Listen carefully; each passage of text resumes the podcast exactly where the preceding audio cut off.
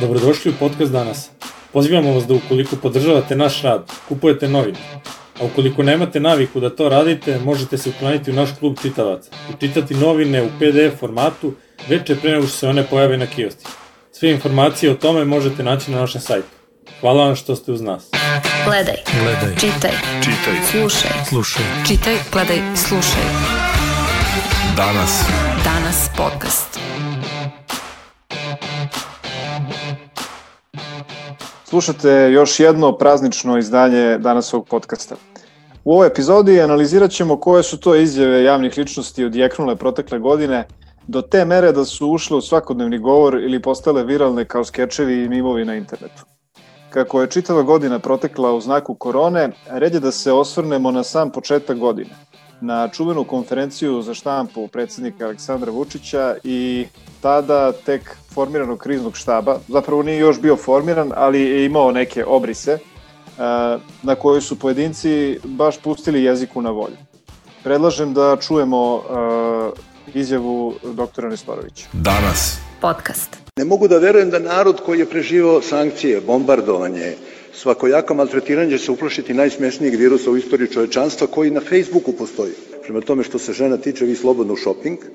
U Italiju čujem da će sada bude veliki popusti, će tamo da budu, pošto niko živi neće dođe, jel tako, u Italiju. Vojo, e, sa ove distance, kako ti deluje ova izjava e, doktora Nestorovića? Pa, po meni ova izjava nekako bila nagovešta i svih tih kontradiktornosti i oprečnih izjava koje smo čuli od kriznog štaba od, eto, od tada pa sve do danas i te neke uh, ozbiljnosti vlasti prema ovako nekoj bitnoj stvari. To možda čak najbolje predstavlja to i koliko mi imamo kratko pamćenje i prihvatamo sve što nam se kaže. Jer eto, imali smo tu baš u dve nedelje, prvo je doktor Nestorović izjavio to kako je to najsmešniji virus i to onako podrugljivo. E, savjetovao je ženama da idu u Milan u shopping, kako tamo sad neće biti gužve jer su svi uplašili tog najsmešnijeg virusa. I sve to dok je Vučić stajao iza njega i smejao se. A onda smo imali situaciju gde se nedelju dana, praktično kasnije ili tako nešto, e, Vučić pojavio kada je situacija postala ozbiljna i kada se zakuvalo i bukvalno nam je rekao da ne lažemo, da niko nije rekao da je to najsmešniji virus, iako je to razmak bio baš kratak i oba događaja su snimljena, tako da neverovatno da neko može da izađe i da izjavi tako nešto, da niko to nije rekao, bukvalno je rekao tim rečima da je to najsmešniji virus. Ne znam šta bih dodao više na to, ako ljudima nije jasno iz toga sve onda. Selena, evo, Voja pomenuo kratko pamćenje, misli tu verovatno na, na nas u celina narod, na srpski narod, ajde da kažem, i nek mi ispravi ako grešim, ovaj, pomenuo je da je prosto neverovatno da se to tako nešto desilo. A, šta misliš ti, kako si ti doživjela ove iz, ovu izjavu Nestorovića, pa i ovu koju nismo emitovali, a to je zapravo izjava Aleksandra Vučića da će to, taj virus može da reši malo rakice i nešto, nešto na tu, nešto Aha, da. je rekao. Ovaj, Šta misliš ti, da li je dovoljno, na primjer, opozicija iskoristila ovaj, ajde da kažemo, volej, jer ovo je zaista bilo volej u nekom smislu, ajde, medijskom. Ga, ti gafovi sa početka korona krize. Dobro, bilo je dosta stvari koje opozicija mogla bolje da iskoristi, svakako Uh, ne bih, ne bih nešto sad posebno insistirala na ovoj. Uh, Voja kaže i tačno je da imamo kratko pamćenje, ali uh, kada pričamo o ovoj izjavi o najsmešnijem virusu, sve možemo da kažemo, ali ne možemo kratko pamćenje. Znači, ova izjava je ostala upamćena za vijek vijekova i malo mi se iskreno i smučila, malo je više postala opšte mesto, posebno što sam pre neki dan gledala ovaj dokumentarac Maje Nikolić u kojoj prič, u kojem je pričala o celoj o celom vanrednom stanju, znači cijelo proleće dok je, dok je bila korona, pa sam, pa, sam, pa sam se opet vratila na sve te konferencije izjave sa početka pandemije, izgledaju mi isto, jednako odgovorno, jednako skandalozno, s tim što sam eto sada i čula nekog na koga su takve izjave, da kažem tako, uticale. Ni, ovaj, futbolski sudija Ninoslav Spasić je pričao kako su mu išli na živce ti doktori poput uh, Nestorovića jer ih je negde svojim onako lagodnim pristupom ohrabrivanjem da se, da se putuje, da se ponaša kao da, kao da je sve u redu, eto samo malo se peru ruke i to je to. Kako je to virus uh, blaži od gripa i ne znam što sve nije pričao. Uh, kako njega je se postaklo da bude manje odgovoran u tom nekom smislu da, da, da čuva zdravlje i kako mu je užasno išao na živce kad je ležao u bolnici. I recimo ja sad sam, primjer, prvi put on pomislila kako bi meni bilo da sam u tom trenutku bila bolesna, sam bila na, e, na ventilaciji i da sam slušala sa, te, sa TV-a jednog od najcenjenijih doktora u Srbiji kako, kako se podsmeva virusu i celoj situaciji. Um, ne bih imala ništa posebno da dodam, ovo izjavi je već sve, sve ispričano što je moglo da se ispriča. Mislim da nema nema osobe koja bi ovakvu neodgovornost mogla da opravda, koliko god da, da ceni doktora Nestorovića u, zbog toga koliko je on um, dobar stručnjak i koliko dece je um, pomogao i tako dalje, tako dalje. Ali makar makar se povukao u određenoj meri. Još uvek možemo da ga vidimo na TV-u, ali makar ne onoliko kao na njih. Hvala Selena. E, predlažem da čujemo kako su tada reagovali čitaoci danas na ovu vest. Danas. Podcast.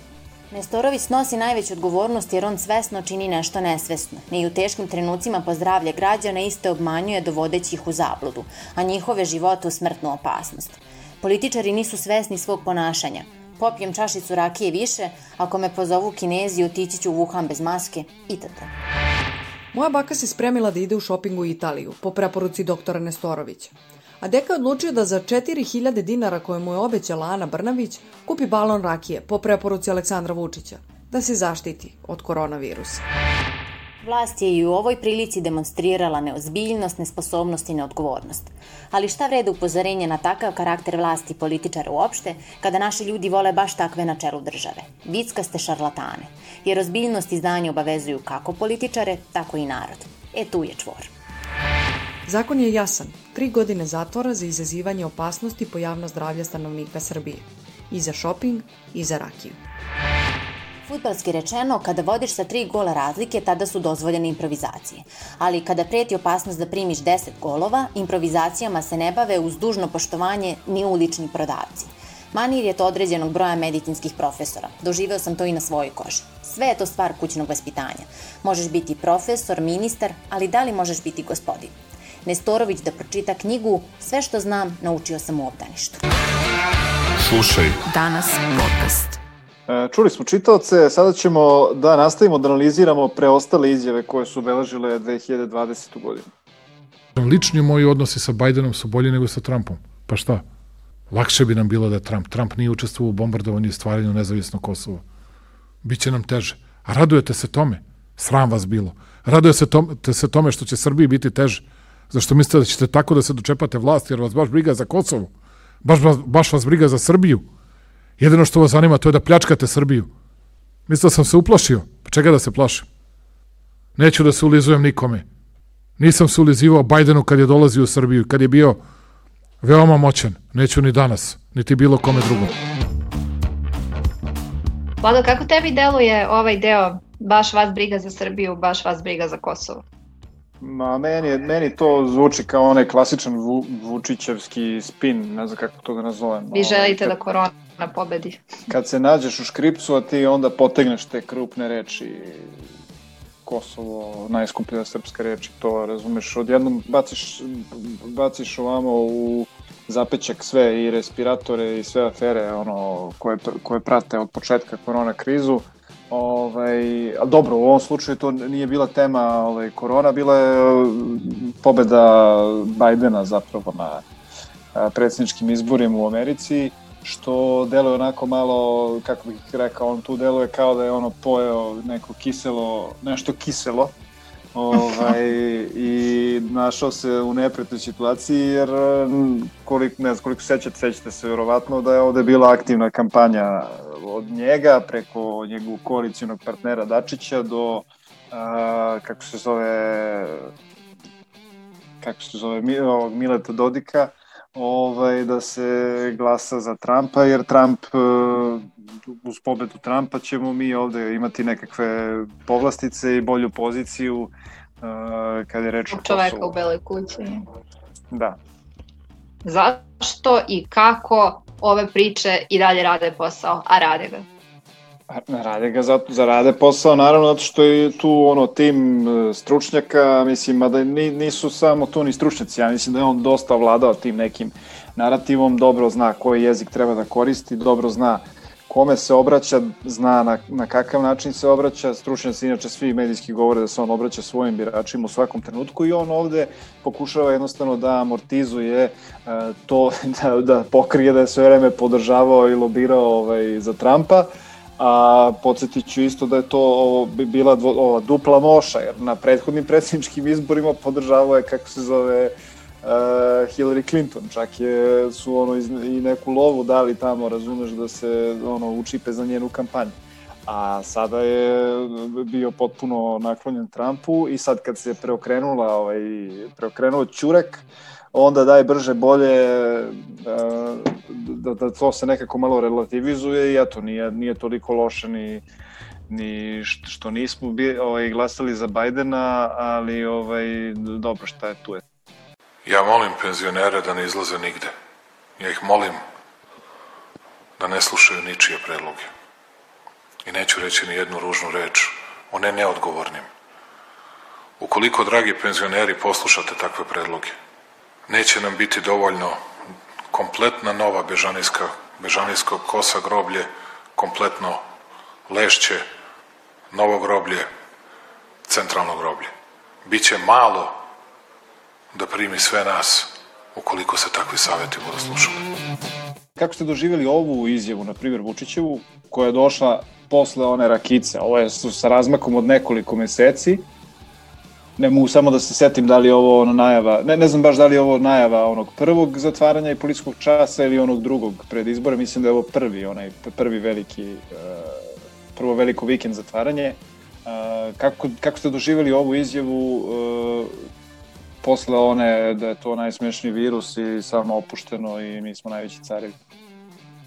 To je već bio trenutak kad smo, kad smo počeli pažljivo da slušamo njegove izjave, čisto da bi ih analizirali meni stvarno ubrzo nakon početka epidemije je to prestao da mi bude kao neki, neki vodič, neki saveti na koje ću ja sada se oslanjam i e, sva što smo videli i ranije i tokom ove pandemije na koji način su, su oni sve spremni da se obračunavaju sa svojim političkim neprijateljima A, to je bila to je bila reakcija na onaj predlog opozicije, ako se dobro sećam, da, da se e, penzionerima i našim starijim sugrađanima, sugrađanima obezbedi da mogu da prošetaju sat vremena dnevno, tako nešto je bilo popodne. I oni su taj predlog osudili kao da sad ovi napadaju Vučića i baš ih briga za posledice, a posledice su te da će beogradska groblja da se da budu popunjena i da je to ne, neki monstruozan predlog i ne znam nija šta, a ubrzo su a ubrzo su dozvolili i utakmice i pozivali penzionere da izađu na glasanje i tako dalje. Ali pre neki dan sam videla, to jest ovaj sad saziv Skupštine kada čujem, gde jedan poslanik rekao da da su e, Đilas i ne znam njegova ekipa pozivali na silovanje Vučićeve čerke. Mislim, bukvalno su sve granice izbrisane i ovo je čak i na nekom nižem nivou od onoga što smo mogli da čujemo kasnije tokom pandemije, šta su sve govorili jedni na raču drugih. A, a kako se tebi čini to Vojo, ovaj, ja, ja sam to zapazio, bilo mi interesantno, ovaj, on kaže zatvaramo, zatvaramo, onda, kako se zove, opozicija kaže e, pustite jadne ljude starije da prošetaju i njih i njihove kućne ljubimce da izađu u nabavku, to je genocid što se radi, to je strašno, ovo ono. Onda se promeni ovaj, situacija, uh, onda imamo situaciju gde opozicija govori uh, zatvaraj vrtiće, zatvaraj škole, ne znam zašto to nije zatvoreno, ugrozit će nas sve. Ka, kako ti deluje uopšte ta priča, kako se, ono, kako se menja raspoloženje i situacija, kako jedni igraju na jednu, odnosno na drugu kartu, glupo je naravno i smešno što ja to sad tako pričam, pa ispada ono, jer je ozbiljna stvar, u pitanju su ljudski životi, ali ne, ne mogu da ne primetim da se čas zauzima jedna strana, čas zauzima druga, u zavisnosti od toga šta je pogodnije. Ovaj, kako tebi to izgleda? Pa to je sve zato što je svima tu politika bila na prvom mestu. Politika je bila ispred i zdravlja i toga da li će penzioneri moći da izađu ili ne i da li će ljudi uopšte moći da izlaze, da li će biti uveden politički čas, vanredno stanje. To zapravo nikome nije bilo bitno tak, toliko ni opoziciji ni poziciji. Bitno je da je kontra. Ako vlast uvede ovo i kaže to, da opozicija kaže suprotno, ako vidi recimo da, da postoji protivljenje uh, protiv tih mera recimo u narodu, oni će da, da udare kontru protiv vlasti, onda vlast isto, ako opozicija predloži nešto tako, oni će da urade kontra. I to je to, znači nema to veze sa e, sa tim kao merama i sa tim da li će narodu da to bude po volji ili ne, nego je bitno da, da bude kontra ovim drugima. E, sad bi se samo vratio malo na tu njegovu izjavu i na taj početak. E, ti si dobro to primetio da je e, razmak između tih izjava, ove izjave i izjave da je to najsmešniji virus i to cele te priče, bio jako kratak, možda par meseci ako i toliko, a to su dve totalno različite krajnosti.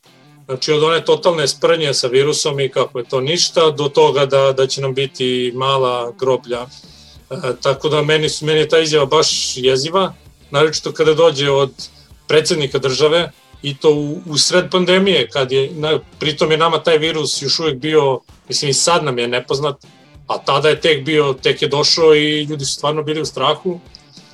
E, I onda predsednik države izađe e, i javno kaže tako, tako nešto i unese totalnu paniku među ljude. Mislim da je to to baš, baš loš potez i da to jedan državnik sebi ne sme da dozvoli.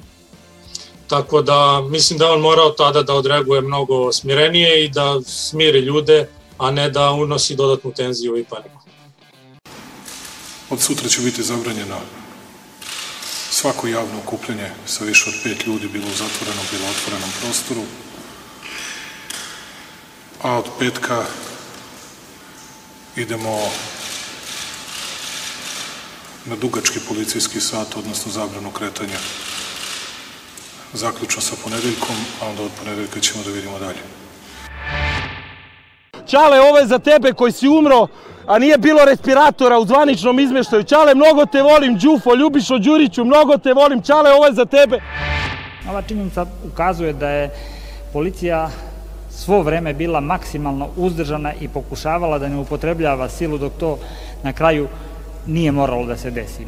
U tom trenutku oni su svojim telima potisnuli pripadnike policije unutra, čim smo uspeli da se konsolidujemo, opet svojim telima policija je vratila izgrednike i nasilnike napolje i u narednih skoro sat i po vremena policija je trpela pritisak u četiri naleta su se organizovali nasilnici i pokušavali fizički da ponovo ostvare dominaciju i upadnu u Narodnu skupštinu i policija je svo vreme bila uzdržana i nije primenjivala bilo koje od svojih policijskih ovlašćenja. Evo čuli smo tri izjave koje su sve na neki način povezane. Prvo je predsednik Vučić najavio zatvaranje, zatim je izbio protest na kom smo imali sukobljavanje demonstranata sa policijom, gde smo imali i izjavu, čuvenu izjavu Ćale, ovo je za tebe, a imali smo i izjave direktora policije e, Rebića koji je rekao da policija nije upotrebljavala silu. Evo, Selena, hoćeš ti malo da nam opišeš e, te događaje i te izjave? Um, sećam se da to bila jedna mučna konferencija meni. Ja sam bila, da nisam mogla da verujem da, da, da razgovara s nama na taj način. U jednom trenutku, pošto je trajala nešto dugo, otišla sam do prodavnice i sećam se da da nikad u životu nisam videla da e, svaka osoba na ulici, svaka osoba u prodavnici, sa trafike, svuda, svuda čujem da ljudi pričaju o Vučićevoj konferenciji ili je slušaju sa telefona negde ili je slušaju u prodavnici sa, sa TV-a i sve mi je delovalo mi je kao da je svaka osoba u tom trenutku bila nekako priključena i iščekivala šta će, šta će on da kaže. Jako, jako bahat način, uh, način ophođenja i jedino što je logično bilo, jedina logična reakcija s obzirom na to koliko je ljudima bilo svega preko glave jeste e, ono što je kasnije usledilo, oni protesti i onaj bes, posledično i ono nasilje koje smo gledali.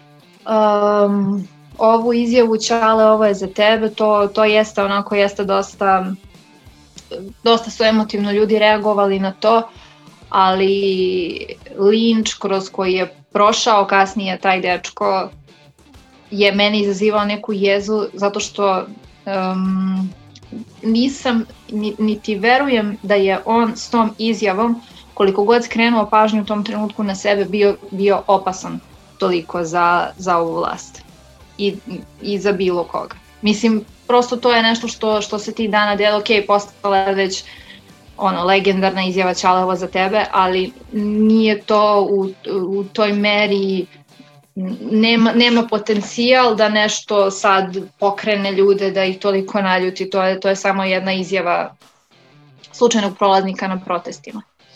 E, meni se čini da baš ovakve izjave mogu da, da pokrenu nešto, jer nekako kad neko ovako izađe, a pritom je ova izjava bila jako spontana i desila se slučajno jer je on naišao tuda kada su uh, novinari sa N1 snimali. Uh, prišao je bio je jako uznemiren zbog svega toga i, i rekao je to što je rekao. Mislim da baš te izjave ovako spontane i iskrene. Naravno. Kad se neko slomi tako pred svima, mislim da to jedino što zapravo može da do, dopre do ljudi i da ih pokrene. Tako da, samo Jeste, slažem se, ali ne, ne u toj meri. Imaju i tekako potencijal da, da nekog drugog izvedu na ulicu, da neko drugi bude ljut zato što je video čuo čoveka koji je imao ličnu tragediju, sve to stoji, ali ono stvarno kasnije što su objavljivali o njemu, to je, to je stvarno nečuveno. E, treća izjava je bila Vladimir Rebić i tu je svaki komentar suvišan.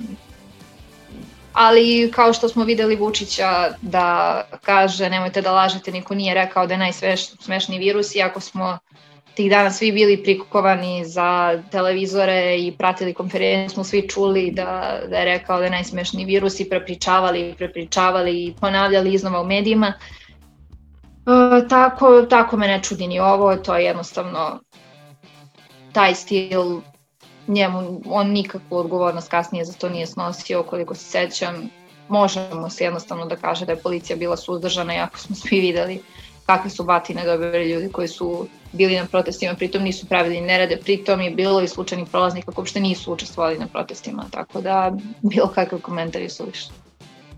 Vlado, kako si ti video ove tri izjave? Ne, Selena je pomenula tu, ne, govorila je o motivaciji ljudi nakon što čuju ovakvu izjavu i zapitala se da li je moguće nam bio tolika opasnost, pa ne, mislim, po režim ne, ali to je očigledno osobenost verovatno svakog ovakvog autokratskog režima da u startu guše i, i najmanji dašak nekakve pobune i da naravno kopaju po prošlosti ovog momka, da izlače prljav veš, da nekako, kako bih rekao, da minimizuju to njegovo, kako je Voja nazvao, pucanje i otvaranje pred, pred kamerama ovaj, i upravo da spreče da on postane nekakav heroj ili ne, ili ne znam šta. Tako da i bilo je bezbroj, bezbroj takvih primera. Ovaj, a što se tiče ove Rebićeve izjave, da, naročito su dobro reagovali kad se setimo onog snimka e, koji je napravio snimatelj koji je bio u, sa Jelenom Zorić, čini mi se na ulici ili ne znam sad već sa... Kotić, da. Da, gde ona trojica sede na, na klupi i onda prilaze ove kor, ninja kornjače i ono, odvaljuju ih pendrekom po po ekstremitetima i po glavi, tako da, ono, zateko si se tu u pogrešno vreme na pogrešnom mestu, ono, to je, ali policija je odlično reagovala. A možda policija ta ista nije uspela da uhvati onog lika koji je tamo bacio kamenicu i povredio policajca i mislim, tako, mislim, a uvek strada da, onaj... Niti je takvog Jurija. Ali imali smo zaista, nije to jedini primer, imali smo i onog momka, autističnog momka, ako se ne varam. U Novom Sadu, da. Da, imali smo onog momka na sred ulice što su prebili pa su ga odvukli sa strane. Bilo je zaista dosta snimaka, ono, nije to, to jedini, iako je taj ostao najpečetljiviji na klupi, jer su zaista sedeli sa strane i pitanje da li su uopšte učestvovali u protestu. A, dobili Meni je najupečatljiviji, ako se sećam, to je bilo u Kralja Milana kada je, kada je ti dana bio alarmiran i zaštitnik građana zato što oni snima da su prebili onog dečka na ulici, izudarali ga ono, njih desetorica policajca kako su prolazili, tako ga je svako lupio pendrekom i prošao i ostavili su ga tako samo na ulici prošli. Boli, sve me boli kad gledam taj snimak i još na tom snimku se vide valjda njegovi asistenti ovog zaštitnika građana, oni su prošli i bacili su neki pogled onako ovlaš i nastavili dalje, iako su tu bili na zadatku da zapravo kontrolišu rad policije, da li, da li se policija pridržava, pridržava pravila u postupanju. Ovoj gospođi zaista nedostaje, nedostaje patriotizam. Ona je izjavila da ne ostajete šokirani citiram, otačbina je tamo gdje vam je dobro, a ne gdje vam je sarma. Završen citat. Gospođo Sablić, vi imate manjak ili ti nedostatak patriotskih osjećanja. Patriotizam je kamen temeljac, dame i gospodo, čovekove moralnosti. I sasvim na kraju, gospođo Sablić, prelistavajte istoriju srpskog naroda da ne bi ostali stranac u vlastitoj otačbini. Hvala. O Belo Grliću nemam šta da kažem, ali to je čovjek bez struna morala i stida. Jer da ima bar malo morala, ispunio bi obećanje koje je dao građanima Republike Srbije kada je rekao da će napustiti Republiku Srbiju ako propadnu protesti jedan od pet miliona.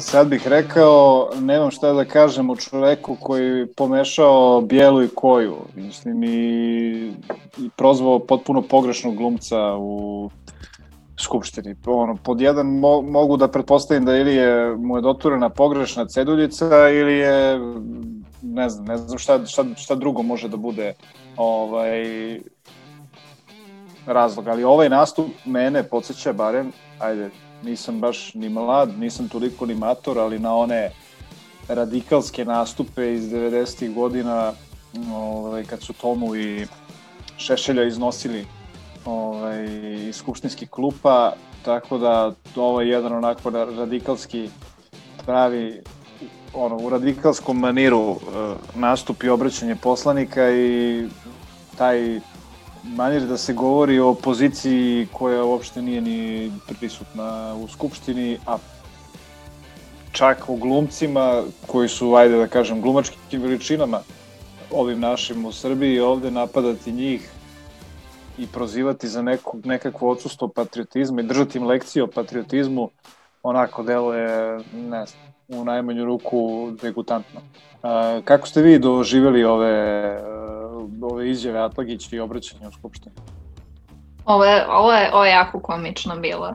Sećam se da sam ovo, prvi put sam e, čula u utisku nedelje nakon već nekoliko dana, inače sam samo čitala na portalima i delovalo mi je mm, delovalo mi je suludo, ne, ne znam koji je to stručnjak za politički marketing došao na ideju da omiljene srpske glumce, omiljene srpske umetnike tako da kažem, isproziva u parlamentu. E, mnogo strašnije stvari su se govorile o ljudima koji naravno tu niti su prisutni, niti su bilo kakva opasnost, ali su makar političari opozicije, makar su neko ko pretenduje na vlast, pa sad može to da se kaže to je neka politička borba, u politici je sve dozvoljeno, jako se ja s tim ne slažem, ali stvarno ne, ne znam kako, kako, su, kako su došli na ideju da, da ovo mogu da urade i kažu, ali očigledno mogu, jer opet ne, ne znam da li će ikakve posledice ovaj, po njih ostaviti ovako bahaćenje. Nadovezao bih se Selena na to tvoje, ne znam, meni ove izjave uopšte nisu smešne, zato što i to što ti kažeš, ne znam ko je, ko je njima to rekao da, da to može da upali, ali ja mislim da oni tačno znaju šta rade i na koga udaraju i zašto i koliko god nama to delovalo neverovatno, kao i većina stvari koje oni rade, e, to pije vodu kod, kod nekoga. Oni to nekome prodaju.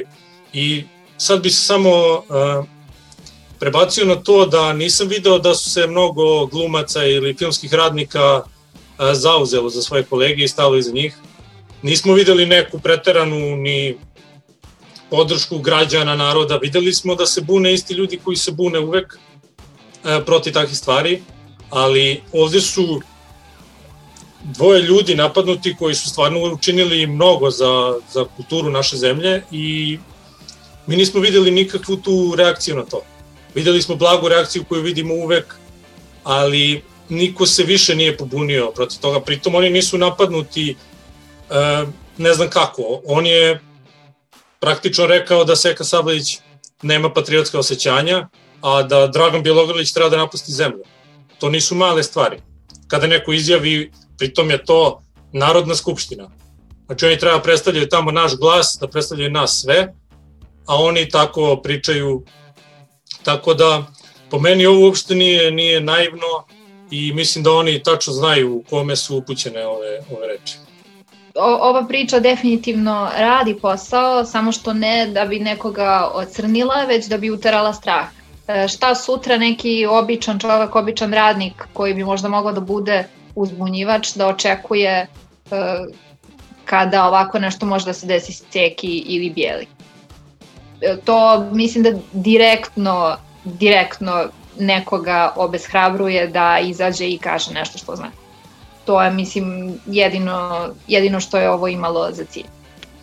E pa da, samo bih se sad tu vratio eto, na onu priču uh, o ovom momku koji izjavio Ćala ovo je za tebe i malo smo baš pričali kako je Golgotu on prošao zbog te izjave i to je to, znači kogod kaže bilo šta protiv vlasti, ko ukaže na neku nelogičnost, odmah se ospe paljba po njemu i oni zapravo ne biraju, da, evo, što ti kažeš, ako mogu da napadnu uh, Bijelu i Seku Sablić, šta drugi da očekuju? Danas. Podcast. Ovo je bila još jedna epizoda podcasta Danasa u kojoj smo komentarisali neke od nama najupečatljivijih izjava tokom 2020. godine. Slušajte nas i sledeće nedelje. Gledaj. Gledaj. Čitaj. Čitaj. Slušaj. Slušaj. Čitaj, gledaj, slušaj. Danas. Danas podcast.